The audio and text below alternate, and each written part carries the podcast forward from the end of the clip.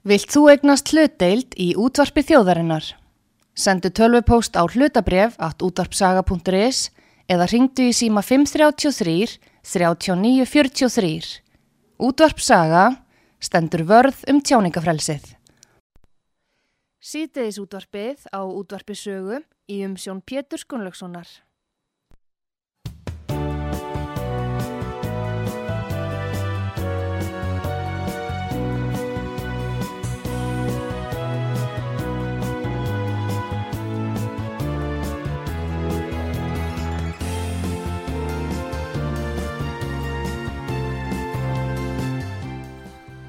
Góðir hlustendur, þið er að hlusta á útvarp sögu. Ég heiti Pétur Gunnlaugsson og í þessum þætti verður rætt um nýstofna félag, lítilla og meðalstóra fyrirtækja sem ber heitið Atvinnufélagið.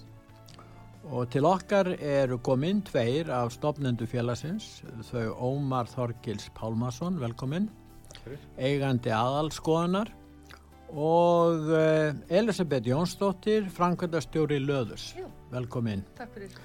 Nú, uh, ég kannski byrja á að spyrja ykkur um það hver er tilgangur þessa félags að vinnu félagið og markmið með þessu nýja félagi? Uh, tilgangur félagsins er að við erum hagsmunafélag fyrir lítil og meðalstór fyrirtæki á samt einirkjum að sjálfsögðu Já, og uh, við ætlum, okkar markmið er að við erum með þrjú svona megin verkefni til að byrja með að vinna með og það eru skattamál og gjöld kjaramál og uh, aðgangur af fjármagni þetta Já. er eitthvað svona sem við teljum að, að sé ábútafant fyrir lítil og meðalstóru fyrirtæki við erum jú að borga jaft við stóru félögin og það þarf svona einhvern veginn að jafna þennan leik hvað segir þú um þetta? Markmiðið? Ertu... Já, já, þetta var í raun og veru þegar við hittumst fyrir tæpu ári síðan að þá, þá hérna, kom í ljós. Við erum að koma náttúrulega úr sikkura áttinni svolítið Já, og en höfum í raun og veru sömu, sömu sín á þá hluti sem að, sem að upp á vantar varðandi, varðandi þennan hóp fólk sem að telur nú ekki nema rúmlega 70% af öllum launþögum í landinu og, og, og hérna, þetta eru 90 og eitthvað prósent allra fyrirtæki eru lítil, meðalstór og einirkjar. já, Þannig að, að, að það var algjörlega þannig að, að hagsmunir okkar liggja saman og stefnur og ströymar sumu leiðis og þetta var akkurat það sem að, hérna, við töldum þurfa að gera. Og það var raun og veru ekki, ekki lengi gert að, að að finna, finna út okkar aðal áherslumál sem að við erum komin fram með í dag. Hversu mörg félag og fyrirtæki flokkast undir að vera lítil, annars vegar og hins vegar meðalstór? Hafið þið einhverja vitneski um það? Já, ég meina við erum þetta eru hvað, 99% fyrirtækja á markanum sem eru lítil og meðalstór á samt einirkjum Já, við erum að tala um mörg þúsund fyrirtæki raun og vera einirkja og... Þetta eru talin vera um 17.000 fyrirtæki. Já, 17.000. En uh, nú uh, hérna, við skulum fara út þegar þú myndist nú á markmiðin, en uh, kannski helstu hindranir sem að lítil og meðalstór fyrirtæki reka sig á. Á hvaða svið eru þau? Já, það er til dæmis eins og með í, í skattamálum og það eru leifiskjöldin og, og önnur að, að hérna, lítil og meðastof fyrirtæki eru raun og veru að borga, borga sömu gjöld eins og, og stór fyrirtæki og það er náttúrulega þegar þú ert að, að fara að stað og ert í, í kannski smáan rekstri að þá, þá verður þetta verulega íþingjandi fyrir, fyrir félagin eins og, eins og gefur að skilja og við höfum tekið svona dæmi eins og með með pulsusalan í lögadalnum og, og sem er að greiða útaskjaldið upp á, á 7500 og, og síðan flugleðir sem er að borga það sama. Mm.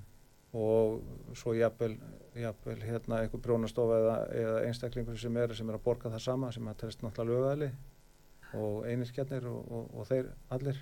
Þannig að, að það er náttúrulega bara þetta er eitt af mörgu sem er. Og síðan bara eftirlýskjöld hins opinbera eru, eru raun og veru bara flöt, flöt eh, hérna, verskrá á alla. Og þetta er í raun og veru ég held að það hefur svo sem aldrei verið neitt sem hefur bent á þetta á þessar hluti sem hefur verið. Og þó að það hefur verið gert að þá er það kannski einstaklingar sem hafa verið að gera það og, og rödd þeirra hefur bara ekki, ekki fengið þann hljóngrun sem þarf. Með stofnun á atvinnufélaginu þá erum við náttúrulega að, að, að ljá öllum, öllum þessum smá aðalum rödd og saman náttúrulega gerum við það í, í styrk fjöldans. Og vinnum að þessu markmiðum og þetta er náttúrulega eins með, með lánsfjö. Já, við komum kannski á því og eftir, en, en sko til dæmis, nú í... þurfa fyrirtæki að hafa lögildan endur skoðanda, enga fyrirtæki og EHF fyrirtæki og, og það er kostnaður og svo löffræði kostnaður líka, sko þetta er kostnaður sem að, sko starri fyrirtæki eiga mjög auðvelt með að, að hérna kannski að standa ströym á kostnaði við en þetta er sko hindrun hjá litlum fyrirtækjum. Já, reyndar er að vera með hérna full endur skoðan ásreikning þart ekki námur sér komin upp fyrir ákveði veldufjármið. Já. Já, það eru þarna einhverjir þrýr að hvað er það? Minnum að sé hvort það séu 300 miljónir sem, sem er, er hérna til að vera með full endur skoðan ásreikninga hins vegar breytið því ekki að þú þarf náttúrulega alltaf að vera með, vera með bókar og annað slikt til, til að passa upp og það að þetta sé rétt skilað Já. Eh, en svo náttúrulega fer þetta svolítið eftir, eftir umfónginu þannig að við höfum svo sem ekki ekki verið að setja, setja mikið út á þær, uh, þau viðmið sem er hjá skattinu varðandi, varðandi þennan hluta. En hins vegar er náttúrulega má veltaði fyrir sig líka með, með hérna, skil og ásreikningum til dæmis. Já. að uh, kannski lítil prjónastofa út í bæ eða, eða einstaklingur sem er telst lögaðili glemir að, að skila ásreikningi að, að hann fær sekt frá skattunum upp á 600.000 og í raun og veru er, er sama gjald tekið þá af, af stóru fyrirtæki með marg, kannski marg 2 eh, miljardar veldu þá er hann að fá það sama Já. og þannig að það, þetta eru svona þeir hlutir sem við erum líka svolítið að horfa til að, að, að jafna svolítið leikin akkurat með þetta og, og hérna, þessi, þessi veldu fjárhæðir ættu, ættu að vera að taka svolítið með af, af þeim gjöldum sem eru, eru sett fram. Nú Elisabeth, stjórnmálaflokkar eru nú með afskipti af nánast því sem er að gerast í samfélaginu. Og um, stundun tala er um hagsmunni, almennt um hagsmunni lítill og meðalstóla fyrirtækja en yfirleitt gera er það ekki og það lítir rætt um það nema kannski rétt fyrir kostningar Já, mikið um rætt um það fyrir kostningar rétt eitthvað svona mm -hmm. allt óljós hvað er vilja að gera. Eh, er, er þú að þeirri skoðun að stjórnmálamenn hafa algjörlega vannrægt þetta svið í raun og veru vegna þess að eins og þið bendið á að stærsti hluti fyrirtæki á Íslandi eru lítil og meðalstór og er, er, einirkjar eða Akkur heldur þú að þessi vanraksla eða skilningsleisi stjórnmálamanna ríki gagvart þessum stóra málaflokki raun og veru?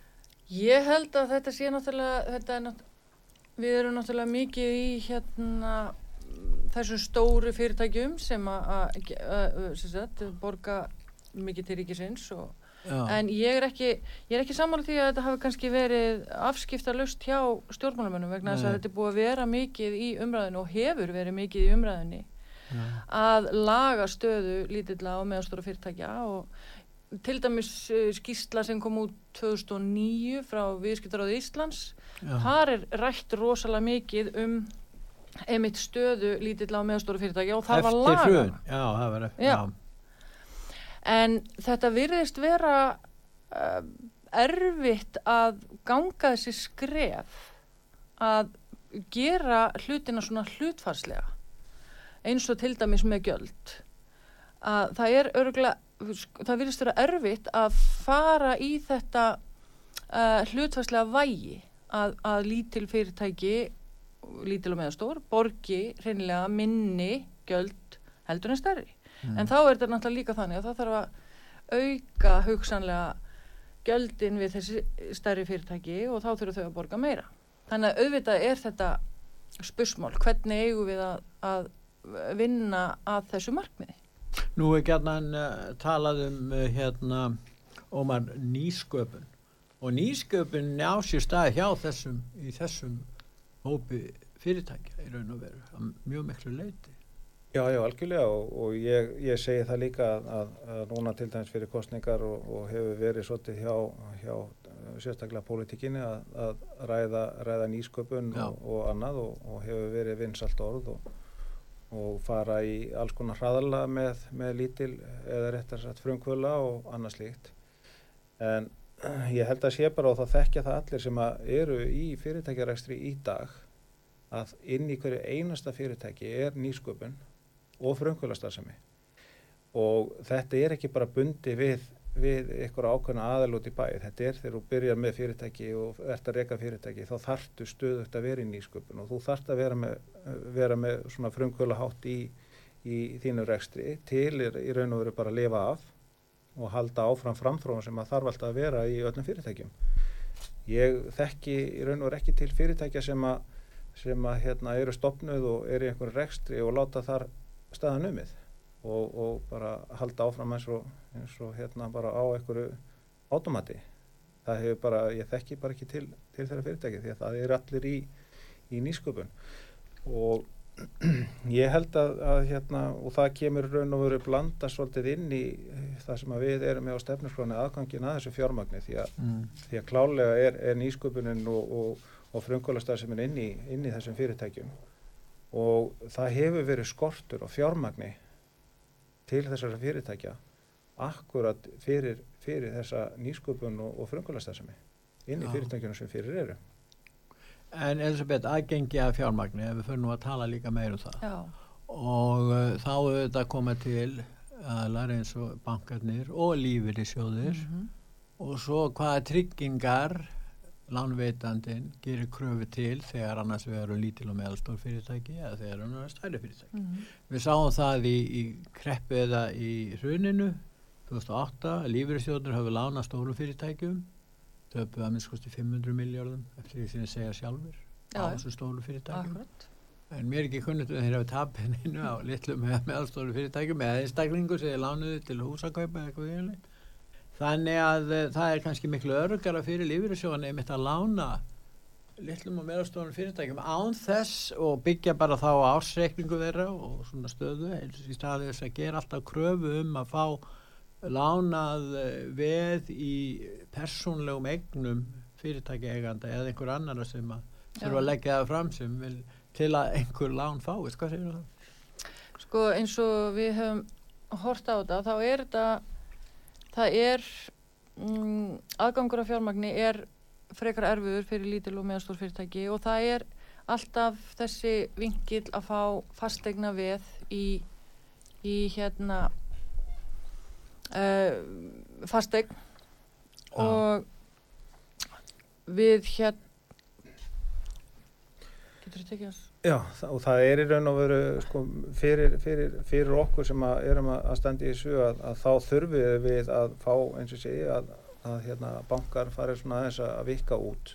Já, svona skoða rekstrarsögu og annað slikt eins og þú bentir á. Já, sem að er alveg nöðsilegt í þessu því að það er ekki, þú getur ekki við, öll fyrirtækin eru misjöfn og við höfum alls ekki og erum ekki að fara fram á það að það sé verið að fara í einhverja, hérna, áhættu fjárfestingar miklar í sambandi við þetta.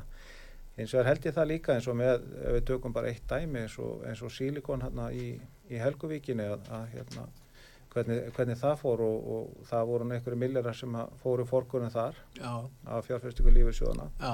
Og það er kannski það sem að við Og bankana ekki má Já, já, og bankana líka Það var stóra tap Arjón banka. Já, já, akkurat og, og hérna það er kannski þessi gleði við að lána, lána í, í svona risaverkefni sem að hleypa, hlaupa á einhverjum 20 miljardar að hún erist vera svolítið opinn á meðan að kannski lítil og meðast á fyrirtæki að fjármögnuna þörf þeirra er, er kannski eh, bara raun og veru bara tíundi hluti eða brota brota því sem, að, sem er í gangi.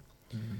Uh, við viljum, eða það sem að við myndum vilja í, í, í óska veröld væri það að, að hluti kannski af fjárfestingum lífeyrissjóðana væri svolítið beint í þennan farveg og, og hérna uh, ég held að sé þægilega að eiga við það heldur en það kerfi heldur en, heldur en bankana og það er svona Lífeyrissjóðin hafa svo mikla peninga til þess að, að fjárfesta með, ég minna að það er 5, 6 þúsund og 300 miljardar. Þeir eru erfileikum með að koma þessum peningum út til að láta það að vinna fyrir sig. Já, sér í lagi kannski eh, þegar hortil til þess að, að lítil og meðstór fyrirtæki eru 70% af, af þeirra, þeirra innkomi Já, og þar að leiðandi það að, að það sem að við viljum gera er, er það að auka fjárfestinguna í litlum og meðstórum fyrirtækjum. Því að þegar að hagur þeirra batnar eða réttar sagt að þá batnar hagur og hagur laun þegar og annars líkt þannig að þetta hangir svolítið saman þessi vir, virðiskeðja er í raun og veru algjörlega samhangandi viðskipta vinir í lífeyrissjóðana eru þetta launamenn hjá litlum og meðalstofnum fyrirtækjum og eigendur lítill og meðalstofnum. Já, og svo eru náttúrulega launþegar, eh, launamenn, að, að þeir eru á sama skapi náttúrulega viðskipta með litlu og meðalstóru fyrirtækjum. Þannig að þetta er svona virðiskeðja sem við þurfum að hafa og, og hún er í raun og veru svo mikilvæg að, að, hérna, það verður eiginlega ekkert lengur hort fram hjá þessum, þessari staðarind og við höfum svolítið svona reykja okkur líka á og það hefur svolítið farið í gegnum tíðina, tökum aftur með, með pólitíkina að stjórnmálamenn eru, eru vel meðvitaðar um þetta og, og hérna en síðan sko er oft þeirra vilji endurspeglast eða stoppa stundum hjá ráðanætunum þar sem að er ekki kannski sami skilningur og, og, og er annar staðar. En þekkið þið til þess hvernig þetta er annar staðar í nágrannalöndunum. Ég heyri það einu sinni, ég bara man ekki hvað hér, það er hlems í bandaríkjónum. Þá er það þannig að það er stór sjóður, búin að vera lengi, sem stiður lítil og meira stór fyrirtæki þegar þau eru stopnus.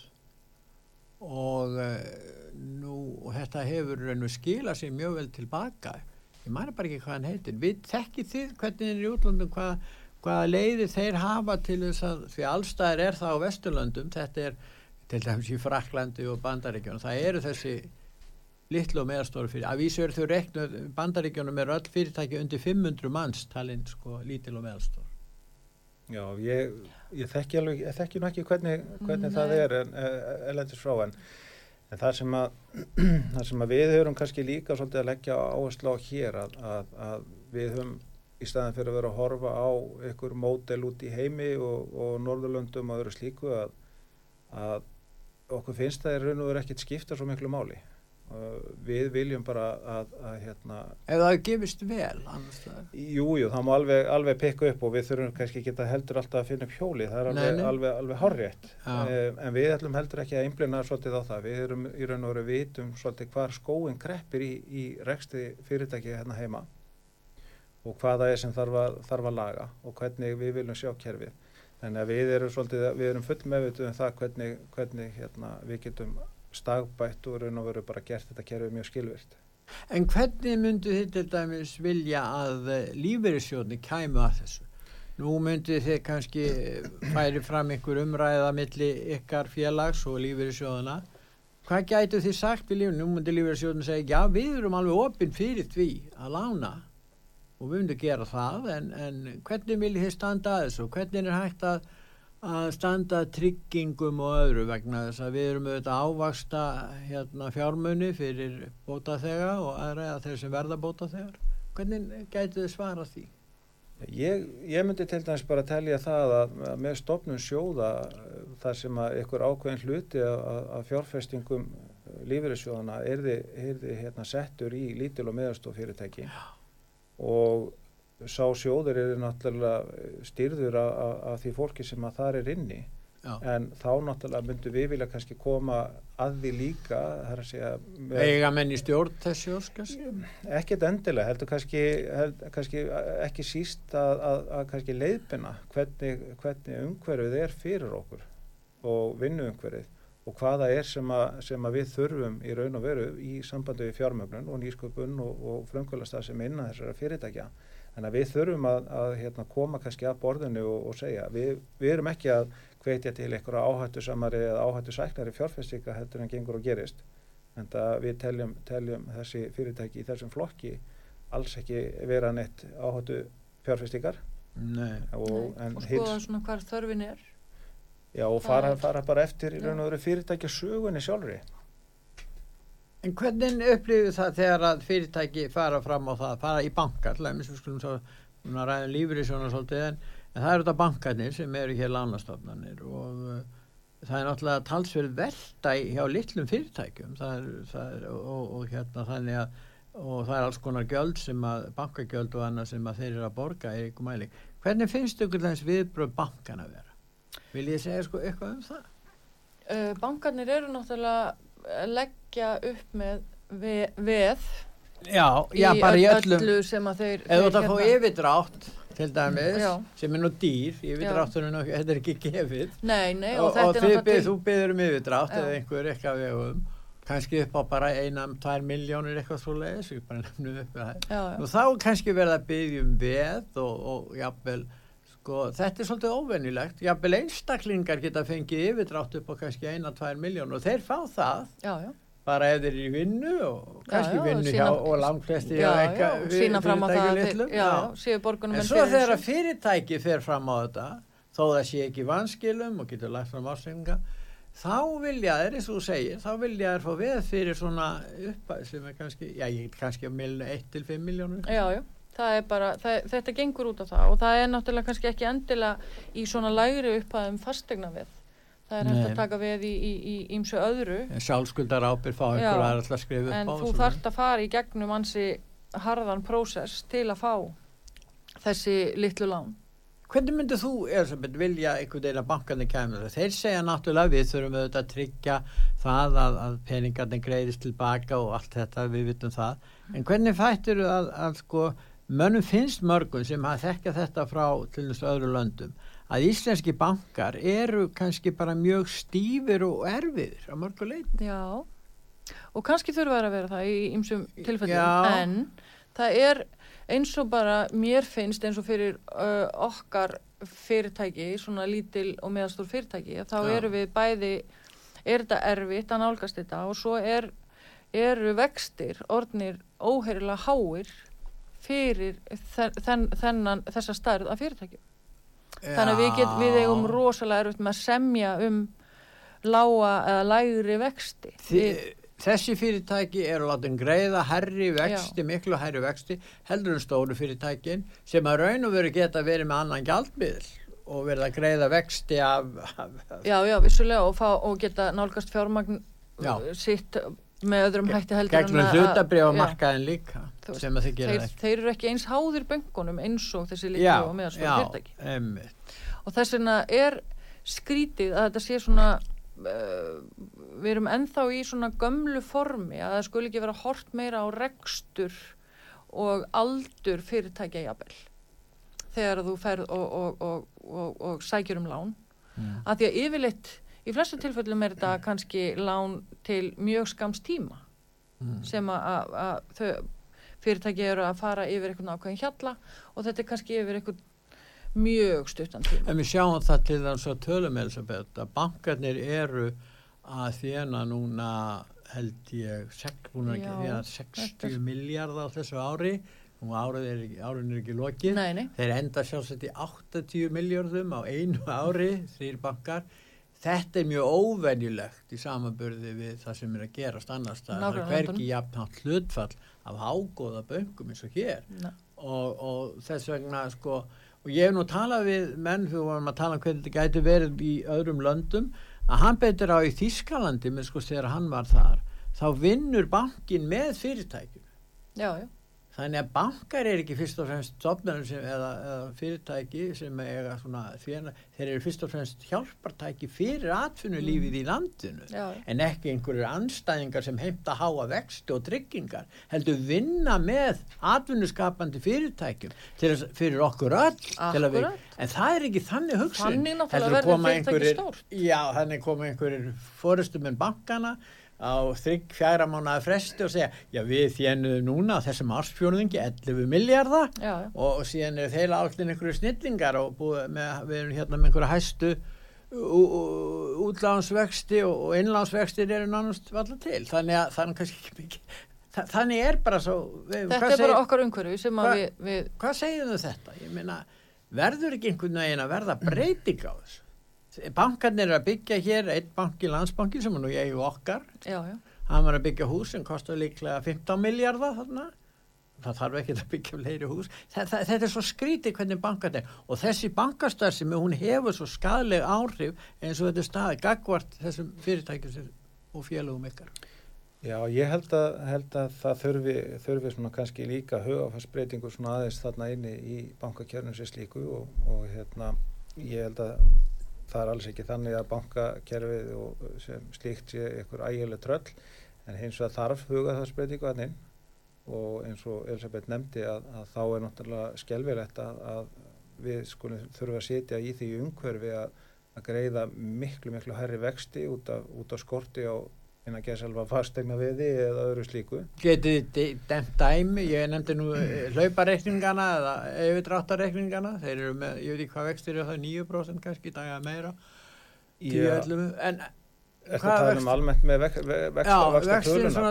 Já, eitthvað. Já, ég held að sko 6-7% vextir séu bara til tölu algengir í, í svona einhverjum skamtíma lónum. Já, já, jápil hæra. Já, og ég sem já. betur fyrir við erum búin að færast aðeins frá þeim tíma þar sem að hérna þegar þú þurftir að fara til bankastjóru og spur, þannig að bankastjórun spurði í hvað ætlar að nota peningin þannig að við erum kannski eitthvað aðeins að færast frá því sko þegar hérna, einstakleika þurftu að, að koma á fjórufótund fyrir ráðan bankastjóran en hins vegar er þetta þannig að, að hérna, bankanir eru bara líka svona misjafnir og, og það má alveg veltaði fyrir sér hver í raun og veru nú þegar þetta ennþá eru, eru ríkisbankar að, að hversu mikil áhustunin þurfi að vera og hvað er ásættanlegt fyrir bankastar sem að vera með háa áhastun en það er alveg ljóst að við vitum alveg hverju það eru sem eru að greiða þennan ákvaða bankana.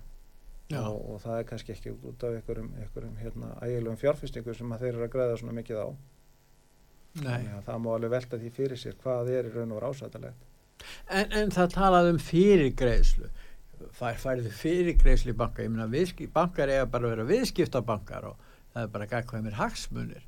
En það er litið á, kannski er þetta að leifa frá verðbólkutímanbyrjunu þegar að menn, það var bara vinningur að fá lán og þess vegna þurftu menn að sína svona ákveðna auðmygg hvert þessum bankavaldi á sínu tíma. En kannski gera með það ennþá.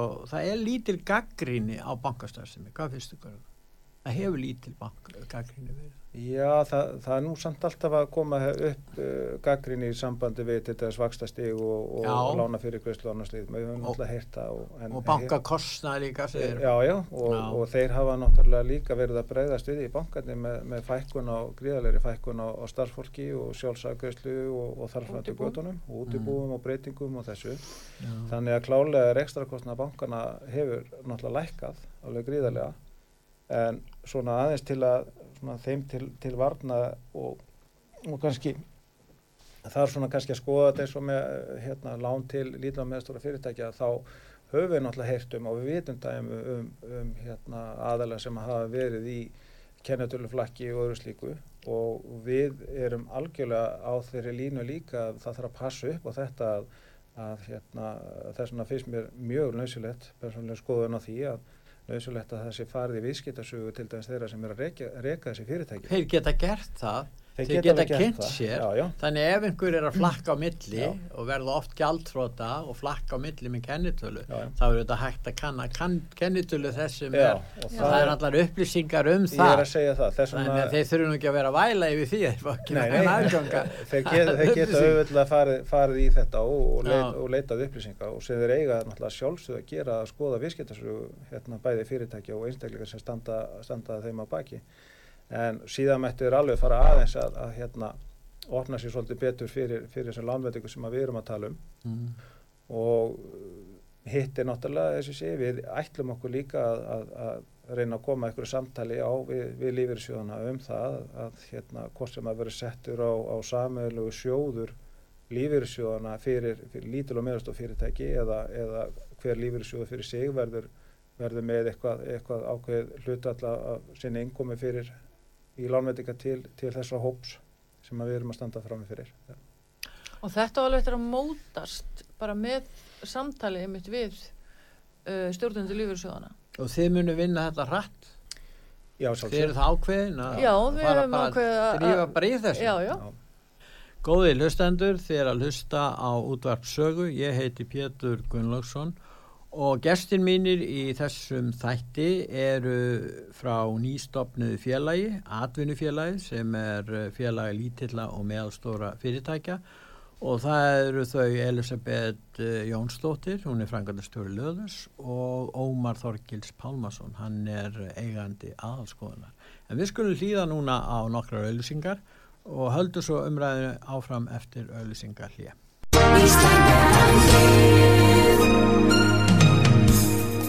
Styrtareikningur útvarpsögu í Íslandsbanka á Granda. Útubú 513, höfubók 26, reikningur 2.11.11. Nánari upplýsingar á útvarpsaga.is. Takk fyrir stöðningin.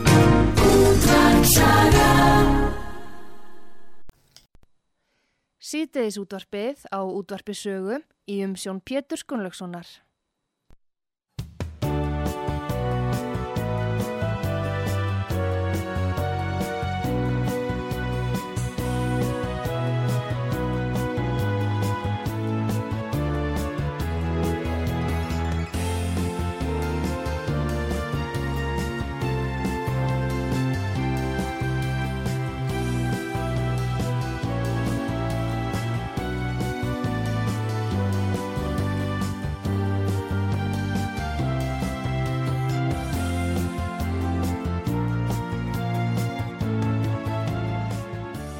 Góðir hlustendur, þeir að hlusta á útvarpsögu, ég heiti Pétur Gunnlaugsson og gestir mínir í þessum þætti eru Ómar Þorgils Pálmarsson, eigandi aðalskoðunar og Elisabeth Jónsdóttir, hún er framkvæmtastöru löðus og uh, þau eru stopnendur af félagi sem nýstopnuðu félagi, lítilla og meðalstóra fyrirtæki sem ber heitið Atvinnu félagið.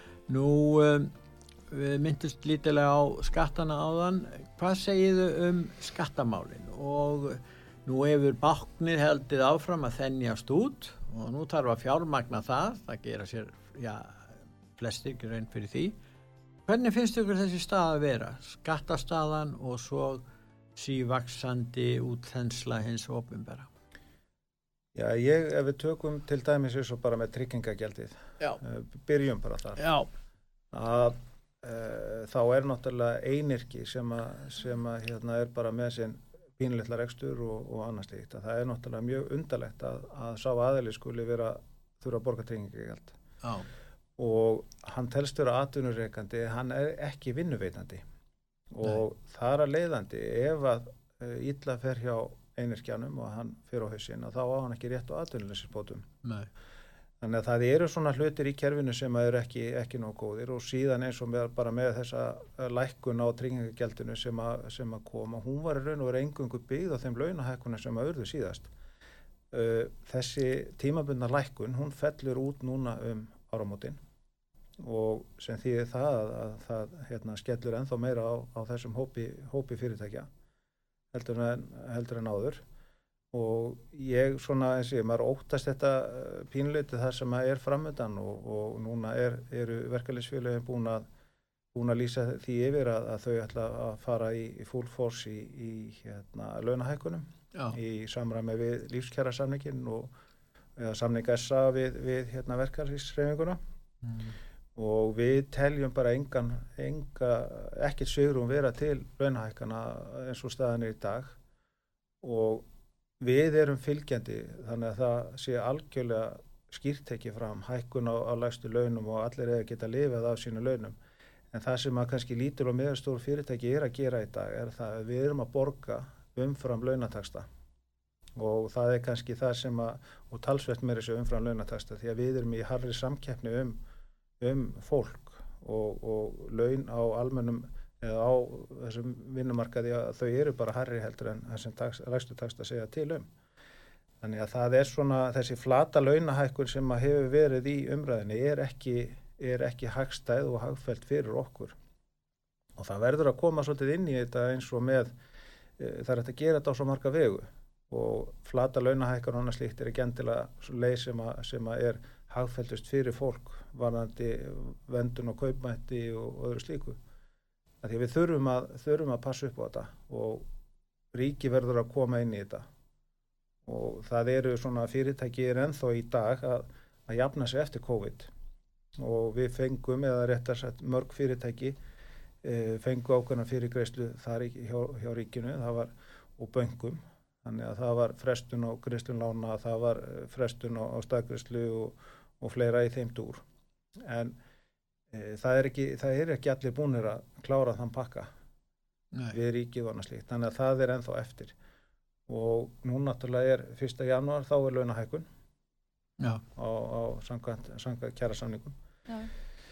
þannig að það er eins og segi, það, er, það eru miklar og, og, og harðar áskoranir framöndan hjá okkur og við teljum bara í raun og veru tal núna verkalýssefingarnar um, um, um einhverja stórfætta launahækari í samræmi við e, vakstaspár og, og hérna hafvastaspár og, og, og hérna fleira það, það er svolítið ótíðanbært og, hérna maður skilur raun og veru ekki, þetta er svona svipað eins og þú fara að leika þér Excel-skjáluninu og sér það bara, heyrðu, ég ætla að vera ríkur á morgun bara samkvæmt Excel-skjálunu þannig að þetta er svona, þetta eru þetta er mjög ótímabært að vera að tala um þetta og, og, og hérna þú getur ekki fara að miða við einhverjar, einhverjar háastaspár fram í tíman hvernig þú ætlar að stilla af einhverjum kröfum um, um launahækanir en ríki verður klálega að koma inn í þetta og, og það geraði með lækkun á, þessum gjöldum sem að eins og tryggangi gjald og annað slíkt. En áttu vona því að það verði meða við þá stöðu sem við erum í núna? Já sko síðan er þetta náttúrulega bara spurningu það hvað leið, leiðir ríkið ætlar, ætlar sér að fara Já. ætlar að halda áfram þessari, þessari útænsluleg sinni eða, eða hvað er ætlar að gera og ég Nú hafið hefur Sælabanki, núverandi Sælabankastjóri, fyrverandi Sælabankastjóri varaði við ómikill útþenslu eins og ofinbera. Núverandi gerir það líka. Það er ekki tekið markaði hjá þessum ríkistjórnum. Jábel þótt að eiga að vera þarna flokkar sem eiga að vera svona berjast ekki fyrir ofháum sköttum vilja tala um lækkanir. Það skiptir einu litlu máli. En þetta er sá veruleiki sem að þið búið við og við. það er náttúrulega sko ríkið hefur náttúrulega verið að leiða þessar launahækkanir í dag Já. og það er bara, við sjáum það bara á, á í öllum, öllum hérna greiningatölum að, að það er yfir 20% sem að, sem að ríkið hefur að leiða, leiða launahækkanir umfram eh, ég held að það hafi verið 15,9% sem að var á almennamarkanum eða vel yfir 20% hjá, hjá ríkinu Já, Ég held að sé svona hluti á þessu líka það, nú þarf að fara að rífa bara þennan plástur af sem að, sem að hérna, ríkistæðsmenn eru með á sér. Það var alltaf að tala um það fyrir áratugum síðan að, að ástæðan fyrir því að, að, hérna, að ríkistæðsmenn voru með lærri laun heldur en að gerðust á, á hennum almennu markaði var þessi, þessi hérna, betri kjör lífris. Já, bet, bæði betri kjör lífeyris og svo ekki síst þetta starfsöki sem að, sem að hérna, ríkistæðsmenn nötu. Eh, núna þegar, þegar við erum farin að starfa bara í raun og veru í nákvæmlega sama umhverfinu að þá finnst mér lámarkið að þetta verði bara tekið upp og, og stofn, eða réttar sagt forstjórum ríkistofnuna verði gert kleift að hérna ráða og reka fólki sem þeim eftir í hug og er gert er á hennum almenna markaði. Mm. Já, við vitum alveg hvernig þetta er, þetta er alveg gríðarlega þungt að, að hérna, losa sig við ónýttan ríkistarsmann er óbúslega þungt og ég veit að þetta er hérna, algjör sprengja sem er, maður er að hérna, stíga svolítið von á en það verður líka bara að hafa sig, stundum, stundum verður að gera það Og kostnaðin ber all þjóðina. Já, það gerir það náttúrulega og hérna, það er dýrt að vera með ónýtan starfsmanni vinnu og, og almennu markaðurinn sem betur fer getur, getur hérna, Verður að taka því, Já, annars já. að lifa er ekki á það. Já, já, og það er sama, sama sem að hérna er að gerast, eh, er hjá ríkinu að, að hérna fórstöðumenn stofnana, þeir verða að geta fengið svolítið frálsæri hendur með að ráða og reka fólk eins og, eins og hérna gertur á almanna markaðnum. Já, núna er, er þessu flaggi um, um starfsöryggi að, að hérna því er, það er, þetta er ekki til staða lengur og, og munurinn, launamunur á milli almennamarkaðins og, og ríkinsins er, er hverfandi. Er nokkur. Já, En þarf ekki atvinnufélagi að skera sig frá samtökum atvinnulífsins í samningum? Þurfa þeir ekki að, að, að í raun og veru í staðin fyrir það að samtöku atvinnulífsins semja fyrir atvinnureikandur að þá komið ykkar félag sem semur fyrir ykkar skjólstæðinga. Hvað segjum það? jú, það er bara Er, er það eitt af markmiðunum? Jú, jú, vissulega og, og okkar félagsmenn geta hins vegar valið hvort að við tökum kjara samningsumboð fyrir þau eða ekki Já, og uh, uh, þetta er bara það sem við uh, ætlum að gera, við ætlum að taka, við ætlum að vinna að þessu málu líka. Og bara eins og Ómar er að koma inn á varandi þessar hækkanir sem að, launahækkanir sem eru núna, þú veist, við, það þarf að taka fleiri að borðinu þegar að svona, um svona miklar launahækkanir er að ræða. Og eins þegar að við erum að tala um styttingu vinnuvíkunar. Já, Þú veist, þannig tekin ákverðun að, að, að, að hérna, stytta vinnuvíku hjá öllum og vissulega gengur þetta hugsanlega ágætlega hjá, sem er launahækkun.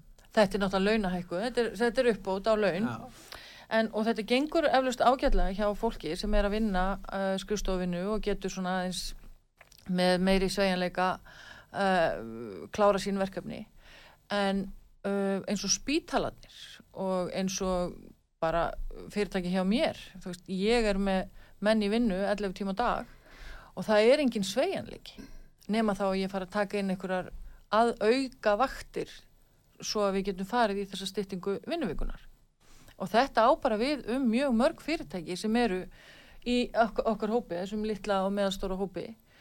Og, og ég veit það þó að uh, spítalinn sé ekki lítill vinnustöður að þá er, er þetta rosalegt vandamál þar. Þannig það vantar að taka umræðuna við fleiri. Hvernig eigum við að leysa þessu mál? En nú eru sko lítil fyrirtæki oft fjölskyldu fyrirtæki. Og þar vinnur fjölskyldana fyrirtækinu. Og oft eru launin ekkert mjög með að við vinnustundir sem að fjölskyldan leggur í, í fyrirtækið. Vinnur jafnvel alla daga Já, í fyrirtækinu, alla daga. Þannig ef þetta væri reiknuð launin þá væru sko launin til þeirra sem eiga fyrirtækið væri raun og verið tíma tímatakstinn væri lægri heldur en hjá fólkinu sem að vinnur hjá þessu sama fyrirtæki. já, já, vissulega þú Þetta er svolítið merkilegt hvernig þetta þróast, já. og þetta bara þróast þannig og við þurfum bara að gera þetta við þurfum að leggja rosalega mikið á okkur Já. við sem að eigum eða erum frangotistjórar í, í þessum litlu fyrirtækjum Já, og það er bara og bara eins og við vorum að tala um um daginn við höfum ekki tíma til að detta í kaffibotlan uh, á einhverjum uh, fundum þar sem er verið að berjast fyrir kjörum og, og, og, og vinnutíma þannig að við, þess vegna ákveðum við nú að hafa okkar fund á sunnudegi þar sem Já. að allir hugsa, gætu mætt sem að Já. eru að reyka fyrirtæki og, og hérna eða vonu til að allir gætu mætt sem eru að reyka þannig að fyrirtæki framleiðinni innan þessara fyrirtækja er oft mjög há, já, já, bæði ja, út af þessu. En það er kannski eitt mál í sambandi við það, við tölum jú gætnan um það að nú geta menn sett það verð á vöru og þjónustu sem þeir vilja inn á Európska efnarsvæðinu en það er gert ráð fyrir samkeppniseftiliti og, og samkeppnin eru þetta stóru fyrirtækin eru oft þetta eru fákeppnisfyrirtæki. Á saman tíma og litlu og meðastóru fyrirtækin eru í bullandi samkeppni. Og það er þessi munur á þessu tvennu bæði aðgangu stóru fyrirtækjana fjármagni og það er allt í lagi að lána til þeirra þó í stór tapi og svo framvis við þekkjum það. Og, og síðan er það staðan í sambandi við samkeppnina. Hvernig finnst ykkur eh, hérna, Ómar, hvað segir þú um samkeppnistöðuna á íslenskum fjármálamarkaði, ekki bara fjármálamarkaði heldur sérstaklega atvinnumarkaði og framleiðslu og þjónustumarkaði. Já, hún er náttúrulega hörð og, og það, er, já, það er bara hörðsamkefni. Já, en það er sömu segja við mig, það er hvað sem er engi samkeppni og trú ekki á gildi samkeppnar sem er þó það sem heldur niður í verðlæginu og kemur í veg fyrir. Já, já, ég, við getum kannski nefnt bara líka annað dæmi í sambandi við, hérna, vorum að tala um skatta og gjöld og það er til dæmis eins og með ólíugjaldi Já, að nú náttúrulega er elsneitið í raun og veru komið í, í hæstu hæðir. Og, og hérna álögu ríkisins og, og, og það sem að ríki er að taka til sín á, hverjum selda, seldum lítra er náttúrulega orðið bara umtalsvert hátt. E, þeir sem að eru kannski þurfa mest á þess að halda, það eru, eru einirkjarnir sem eru, eru leigubýrstjórar og, og sendibýrstjórar og, þeir sem að stunda, stunda akstur að þeir eru náttúrulega að bera mjög skarðan hluta borðið og ég veit að það er samkeppni gríðarlega hörð já, og þeir eru kannski með samninga við, við Byrkja og kannski þessi stóru fyrirteki og annars líkt og þeir geta í raun og veru ekkert velt þeim hækkunum út í, út í hérna, það, það verð sem þeir eru að, búinir að bjóða og eru með samninga um Þannig að, að það, það er svona margt í þessu sem, að, sem er hægt að laga og væri hægt að laga. Og það til dæmis eins og bara fyrir heimilin og annað slíkt sem að það er allir sem eru með börn sem þekkja það að þeir þurfa að vera að keira og, og, og sækja og skutla, skutla börnum í, í tónstundir og, og annað slíkt. Og þetta er náttúrulega bitna á heimilunum og það, það er til dæmis eins og, eins og með eh, hækkun á álugum á, á elsneiti. Þannig að, að það eru margir hluti sem að, sem að ríki geta alveg auðvitað komið að sem að erði í raun og veru til að, til að spórna við þessari, þessari verðbólku og, og, og þessu spán sem að, sem leikja fyrir.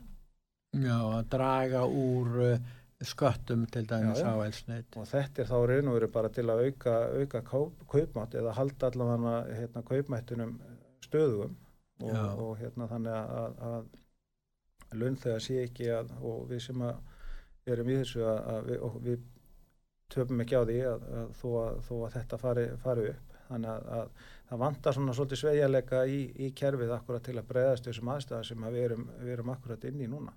En Elisabeth, er ekki ósangjant að, að minni lítil og meðstofyrirtæki eru að taka þátt í þessari hörðusamkeppni en stórfyrirtækin eru, eru búið við fákeppni því að þið, litlu og meðstofyrirtæki þurfa að hafa viðskipti við stóraðalana og þa þar, er, þar eru verðin svo há vegna þess að það er svo lítil samkeppni. Já, já. Er ekki þetta sem, að, sem er eitt stærsta vandamáli sem að, og þess vegna er átt að tala um þess að miklu dýrtíð á Íslandi að það er til til að fá fyrirtæki sem hafa svo mikil áhrif á verði hérna. Já, það er, við, það er náttúrulega fer alveg eftir hvort að við erum að tala um þjónustu eða vörur eða Já, hvernig, hvernig sem það er en, en uh, ég veit nú ekki hvað, Það er kannski svolítið, við, við Ég- erum kannski líka ekki, við höfum ekki viljað stilla okkur heldur upp eh, sem hérna einhverjum anstæðum pólum við, við stóru fyrirtæki Nei, eða, nei, eða nei, svona nei. sko, en það náttúrulega hefur, við erum náttúrulega að heyra af, af, af hérna hækkun í hafi og annað slíkt, varðandi, varðandi hérna ráðurumarkaðan út í heimi og annað slíkt sem að er verðin hafa, hafa rókið svolítið upp þar. Og uh, í raun og veru öflun aðfanga erlendis frá hefur, hefur hækkað gríðarlega Já. á síðust árum þannig að e, núna bara á síðustu missurum og Og- flutningar náttúrulega eru, já Það þannig að það er mikið. svona sko þetta er, þessi keðja er svolítið hérna erfið akkurat í augnablikinu og maður hefur alveg skilning á því að, að hérna þegar menn eru fastir í með þessa bæði kjara samninga og, og aðra samninga sem, að, sem þeir eru með að þá er svolítið erfitt að, að hérna, velta því ekki út í, út í verðlæði eins og með hérna, þegar þú ert að, að kaupa vörur erlendis frá. Er bara, þetta er bara mjög erfitt við að eiga. En þar aftur á móti kemur þá hvað, hvað getur ríki gert þá til að, til að viðhalda kaupmætti? Og þeir geta þá stíð inn, í, stíð inn með, með þeim hætti sem við erum kannski búin að, búin að fara svolítið yfir. Mm. en það þarf að vera svolítið miklu, miklu ákvæmlega skref sem er farin heldur en, heldur en að, að, að setja í einhverja nefnd og, og hugsa þetta og annað slíkt því að, því að hérna, við, við getum ekkit verið að býða heldur endalaust. Nú, þú talaður um Elisabeth að markmiðin væri svona engar þrjú, það eru skattamálin, það eru aðgangur af fjármagni og svo kjaramálin. mm Hvað myndur þú vilja taka fram í sambandi við kjaramálin? Kæramálin þetta var já, þitt sérsvið, sko, kæramálin. Eh, Það er náttúrulega svolítið í, í þessum kæramálu sem er að, að, að, að hérna, við þurfum að skoða í raun og veru bara markaðan svolítið upp á nýtt og tilgangurum með því með stofnun okkar félags og, og að er, að, er að fara bara í raun og veru að leita óhefbennari leiða, fara upp úr þessum hjólfurinn sem eru kannski í dag og, og við erum ekki að setja okkur uh, við algjörlega að segjum að, að SA er nöðsynlegt og, og frábært félag og, og þeir sem að það starfa og félag atvinnureikandi er það líka. En það er ekki þar með sagt að við hefum einhverja sérstaklega samleið með þeim. Þetta eru bara ólík fjölu og, og með ólík, ólík markmið og sérstaklega kannski samtöku atvinnuleysi sem að eru stórfyrirtækin eru þar inni og, og þau þurfa náttúrulega sjálfsögðu að hafa sína málsvara og það er bara vel og frábært að hafa þau og frábært að hafa öll þessi fyrirtæki alveg sama hvaða, hvaða stærða eru því að við erum hluti af bara sömu keðjunni. Þetta er sami sem er launþega þeir eru náttúrulega sum, eh, hluti af þessari sömu keðju og enginn má annars án vera. Það er bara staðreind og ég held að við þurfum að fara upp úr þessum, þessum hérna hjólfurum þið og við hjólfurum Já, og tala bara um við. Já. og ég held að það sé það markmið sem við erum að setja okkur núna er að, að, hérna, að samtali verði á þeim nótum og hvernig við getum hérna, tryggt hag allra. Alveg sama hverjir eru komað þetta er náttúrulega kannski svolítið, svolítið romantist, ég veit það ekki.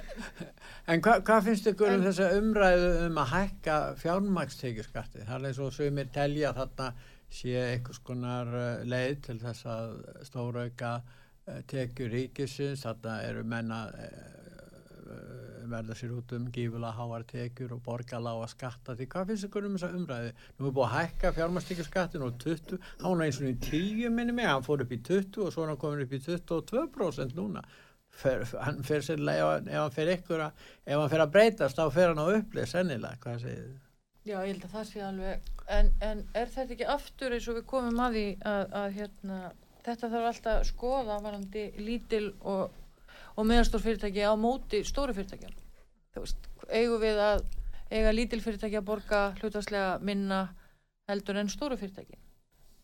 Þannig að ég held að þetta sé bara einmitt eitt af okkar málefnum sem við þurfum bara að taka fyrir og Já, ég held að það sé líka svona verðt að, að láta þess geti líka að, að, að þú finnur ekki þegar þú skoðar ekstra tölur og, og ekstra reikninga hérna lítill og meðastóra fyrirtækja að þá finnur ekki ofurlun fórstjóra og frangvöldastjóra þar Nei. og þú finnur ekki ofurhagnað í, í þessum gera sem við erum að standa fyrir Nei, og, það gerir samkeppnin, kemur í veg fyrir það Já, já, og þannig að það, það, það liggur, alveg, liggur alveg fyrir og þess vegna er, er hérna er okkar markmið er að, að ná eins og sé eirum sem, sem flestra og, og við erum mörg hann úti Já. og það eru mjög margir hann úti og við þurfum að fá, fá sem flesta með okkur í þetta til að, til að hérna, fá slagkraft inn í, inn í þessu umræðu. Og ég held að við séum alveg full færum að, um að hérna, taka, taka þessa, þessa baráttu áfram. Og ég vil ekki einu sinni nefna það að vera sem að sé á leiðin í eitthvað slag því að það er bara rákninni. Ég held að við þurfum að eiga bara gott, gott hérna, samtal og, og vera saman í þessu við og, og, og síðan stjættafélugin og verkefliðsfélugin.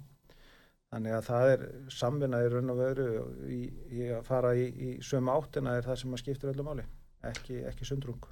Já, við erum að fara að ljúka þessu en kannski að lokum eru þið með bjart sína framtíðar horfur Elisabeth, hvernig vist á það? Já, ég held að þetta verði bara uh, við komum til með að bróta blað í sögunni með þessu félagi Já, og uh, ég uh, bara með góðri góðu fólki og góðri stjórna þá held ég að, að við náum að koma okkur aldrei svona inn í nútíman og, og hjálpa einmitt þessum litlu og meðastóru fyrirtækjum að þroskast það verði skil, skinsanleiri skilir fyrir Já, rekstri eftir og við það. verðum svona, já, þetta verði sveigjanlegra Já, hvað segir þú, Ómar?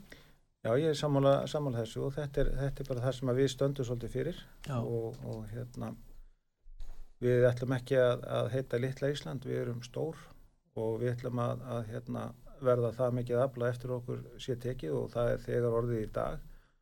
Og við viljum eins og ég fá sem flesta þannig að við verum með sem flesta um borð og það sem er hjá okkur er bara eitt atkvæði og ein aðild. Og þannig að við erum, það eru bara allir jafnir inni hjá okkur, það bussið frá því hvort þú sett einirki eða í meðastóru fyrirtæki að, að það eru bara allir jafnir og rattir allra að fá að heyrast og það er það sem skiptir máli. Já ég þakka ykkur fyrir að koma hérna til okkar Elisabeth Takk fyrir að taka mót okkur og Ómar Takk. gangi ykkur vel framtíðinni, verið þið sæl